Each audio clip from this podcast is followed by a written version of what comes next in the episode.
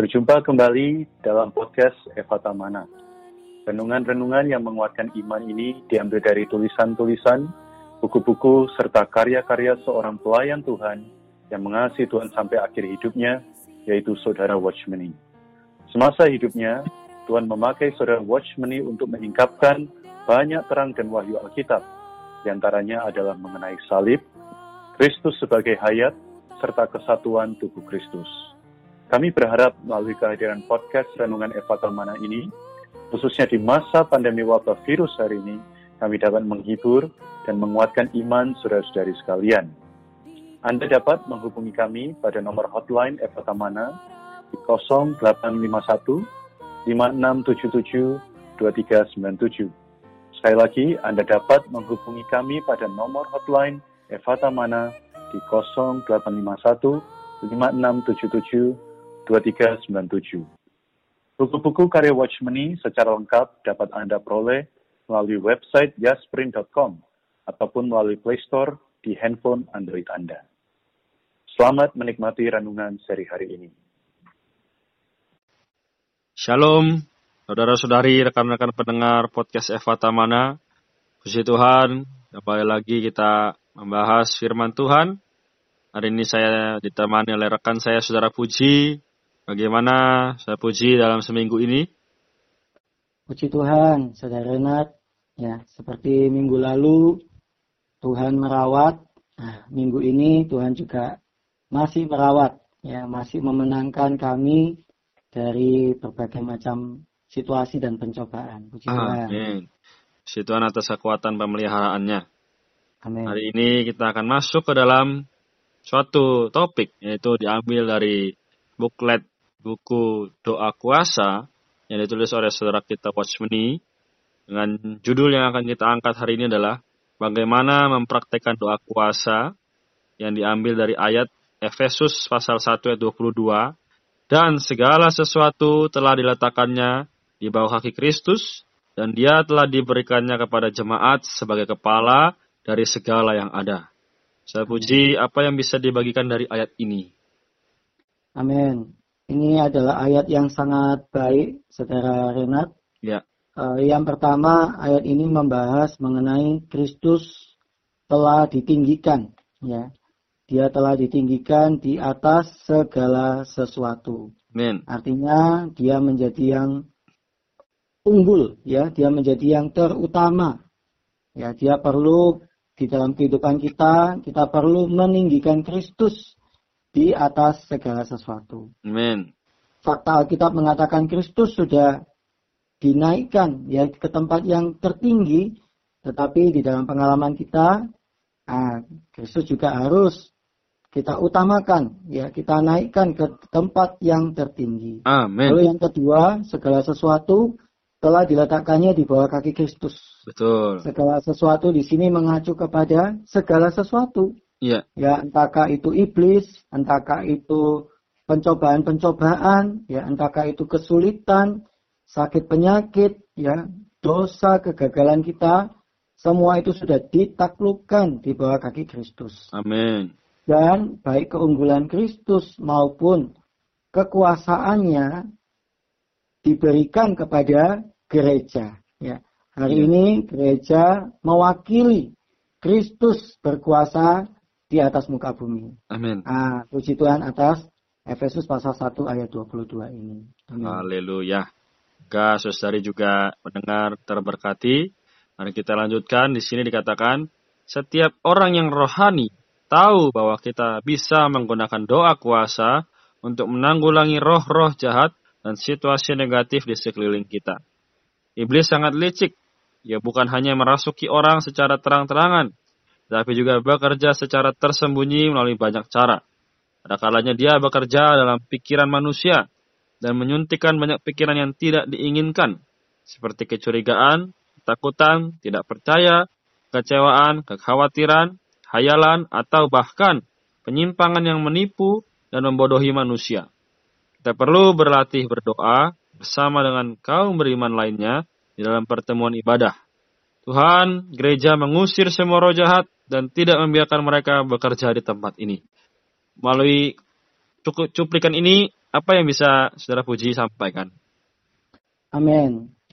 Uh, Saudara Henry, ya kemarin di dalam podcast sudah menyampaikan ya kesaksian pengalamannya bagaimana dia menggunakan kuasa dari nama Allah untuk mengusir iblis ya dari seseorang. Amin. Ya, setan atau roh jahat yang merasuki seseorang itu dengan mudah takluk ya ketika kita memakai kuasa yang ada di di nama Tuhan Yesus Kristus. Amin.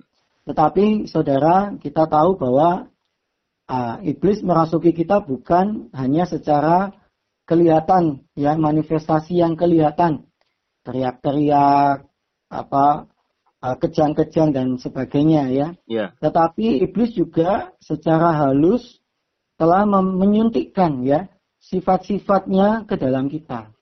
Nah, ini adalah bentuk juga uh, produk dari kuasa si jahat. Yeah. Ya, di sini tadi dikatakan ada pekerjaan iblis yaitu menyuntikkan banyak pikiran yang tidak diinginkan seperti kecurigaan, ketakutan, tidak percaya, kekecewaan, kekhawatiran, khayalan, atau bahkan penyimpangan yang menipu dan membodohi manusia. Yeah. Nah, saudara kita perlu berlatih ya. Selain memakai nama Tuhan Yesus Kristus untuk mengusir manifestasi-manifestasi roh jahat yang muncul di atas diri seseorang, nah, begitu kita pribadi mengalami apa pikiran-pikiran yang seperti dikatakan tadi, kita boleh mengatakan kepada diri kita ya, oh segala roh ketakutan, pergilah dari dalamku. Ya. Segala roh kekhawatiran, ya, pergilah dari dalamku. Ya, aku mengusir engkau dalam nama Tuhan Yesus Kristus. Ya, saudara kita harus berlatih ya. Mungkin kita juga bisa mengatakan, Hai kemalasan, Hai rasa kantuk, ya, Hai apa tadi uh, kekecewaan, ya, khayalan, tidak percaya, kurang iman, pergilah dari dalam diriku. Ya. Yeah. Anyalah, ya, dalam nama Tuhan Yesus Kristus. Amin. Maka dengan demikian, dengan melatih, mempraktekkan doa kuasa ini, kita akan memiliki hidup yang berkemenangan, saudara. Betul, betul. Amin. Oh, sangat luar biasa, saudara puji ya, atas doa kuasa yang dikaruniakan kepada kita. Amin. Mari kita lanjutkan sedikit. Di sini katakan doa kuasa adalah menggunakan kuasa untuk memerintah. Doa kuasa adalah doa yang memerintah. Misalnya, Tuhan aku mau, Tuhan aku tidak mau. Tuhan aku ingin ini, Tuhan aku tidak ingin ini. Tuhan aku harus punya hal itu. Tuhan aku tidak membiarkan itu terjadi. Atau Tuhan hanya kehendakmu lah yang terjadi. Aku tidak ingin yang lain. Ketika kita memakai kuasa ini, doa kita akan mencapai sasaran. Kalau ada lebih banyak orang di gereja yang bangkit berdoa demikian, maka makin banyak masalah di gereja yang dapat diselesaikan dengan mudah. Kita perlu nampak, Kristus telah naik ke surga, ia berhak dan layak untuk mengatur segala sesuatu di dalam segala hal, karena ia adalah kepala atas segala sesuatu, dan segala sesuatu sudah ditaklukkan di bawah kakinya. Kuasa yang ia miliki ini sudah diberikan kepada gereja kepada Anda dan saya. Haleluya. Amin. Eh, Puji, bagaimana respon dari pembacaan ini? Ya, saudara, tadi dikatakan doa kuasa adalah doa yang memerintah. Ya, misalnya Tuhan aku mau, Tuhan aku tidak mau, Tuhan aku ingin ini, Tuhan aku tidak ingin ini. Saudara, ini bukan keinginan kita yang pribadi, ya. Ini adalah karena kita sudah bersatu dengan kehendak Allah. Ya, jadi apa yang Allah ingini sudah juga menjadi keinginan kita. Nah, karena itu ini dikatakan doa yang tertinggi. Karena apa? Kehendak Allah telah bersatu dan juga menjadi kehendak kita. Karena itu kita memiliki doa yang sinkron ya dengan maksud hati Allah. Lalu Matius pasal uh, eh, 18 ya juga mengatakan bahwa uh, kita perlu mempraktekkan doa kuasa ini Amin. di dalam jemaat ya, yaitu berdua bertiga ya berdoa.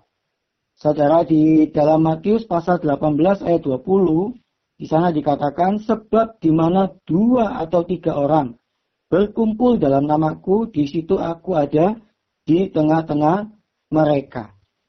Yeah. Saudara kita perlu lebih banyak ya orang-orang Kristen yang berkumpul berdoa. Nah, memang di masa pandemi ini kita tidak bisa bertemu secara langsung. Betul. Tetapi kita percaya bahwa ayat ini tidak hanya berlaku untuk pertemuan secara langsung. Ayat ini juga berlaku untuk pertemuan ya yang kita lakukan sekarang ya ini adalah uh, jarak jauh ya, saudara melalui media sosial. Saudara, kita percaya kalau kita sehati dan kita berdoa, mendoakan kehendak Allah, memakai doa kuasa ini, maka di Matius pasal 18 ayat 19 dikatakan, permintaan mereka itu akan dikabulkan oleh Bapakku yang di surga. Yeah. Saudara, kita perlu lebih banyak kelompok-kelompok kecil kita buat untuk berdoa. Yeah. Melatih doa kuasa ini. Mendatangkan kehendak Allah di surga agar terjadi juga di atas muka bumi. Puji Amin. Tuhan. Puji Tuhan atas kasih karunia-Nya yang boleh membawa kita terus maju, terutama di dalam perkara doa. Amin. Baik, saudari, kita sampai pada di penghujung. Saudara puji, kita boleh kita tolong tutup dalam doa. Juga Amin. mungkin boleh memberkati tiap saudara-saudari yang dalam kondisi yang tidak baik. Amin. Amin. Puji Tuhan, mari kita bersama-sama berdoa. Tuhan Yesus, terima kasih Tuhan bahwa Dikau sudah ditinggikan melampaui segala sesuatu. Yeah. Segala sesuatu sudah diletakkan di bawah kaki Kristus dan Dikau telah diberikan kepada jemaat, kepada kami semua gereja-gerejamu. Tuhan, Dikau menjadi kepala dari segala yang ada. Amen. Tuhan Yesus, kuasa ini juga Tuhan, Kau berikan kepada kami anggota-anggota tubuhmu. Tuhan, kami mau memakai kuasa yang Dikau berikan ini. Tuhan, kami mau mempraktekannya di dalam doa-doa kami. Tuhan, sehingga doa kami terhadap si jahat, Tuhan kami bisa jelas, kami bisa tegas yeah. terhadap segala perbuatan-perbuatan si jahat. Kami mengusirnya, kami mengikatnya. Amen. Tuhan terhadap setiap perkara-perkara. Oh Tuhan, yang ingin dikau lepaskan. Amen. Kami juga sehati dengan dikau kami melepaskannya. Tuhan, sebab apa yang kami ikat, Tuhan akan terikat juga di surga. Apa yang kami lepaskan di muka bumi akan terlepas juga di surga. Amin. Tuhan juga buat kami ya Tuhan, dengan sehati kami berkumpul, dua tiga orang di dalam namamu, Yeah. Kami dengan sehati berdoa, Tuhan khususnya ya Tuhan, Tuhan untuk masa-masa yang sulit ini, agar anak-anak Allah bisa dikuatkan imannya. Tidak ada satupun dari kami Tuhan yang menjadi lemah iman, yang menjadi undur, yeah. yang menjadi gagal. Tuhan Yesus, buat kami ya Tuhan, dua tiga orang, melalui media apa pun yang kami miliki, sehati berdoa, mempraktikkan doa kuasa ini, Tuhan agar pandemi ini segera berlalu, Tuhan agar keadaan bisa kembali di, seperti sedia kala, yeah. Tuhan agar pertemuan-pertemuan ibadah kami bisa lakukan lagi ya Tuhan. Terima kasih Tuhan Yesus, kami percaya oleh kuasa yang ada di dalam namamu. Asal kami sehati, kami berdoa, kami memintanya. Amin. Tuhan, jika pasti akan bekerja. Amin. Dalam nama Tuhan Yesus. Amin. Amin. Terima kasih, saya puji. Juga terima kasih kepada para pendengar. Semoga kasih karunia Tuhan terus menyertai kita. Sekian podcast Renungan Eva Tamana pada hari ini. Kami akan hadir kembali pada seri berikutnya. Jika saudara-saudari ingin mendapat pelayanan doa dan konseling, Anda dapat menghubungi nomor kami pada 0812 155 7000. Sekali lagi, 0812 155 7000. Kasih karunia Tuhan Yesus Kristus menyertai kita semua.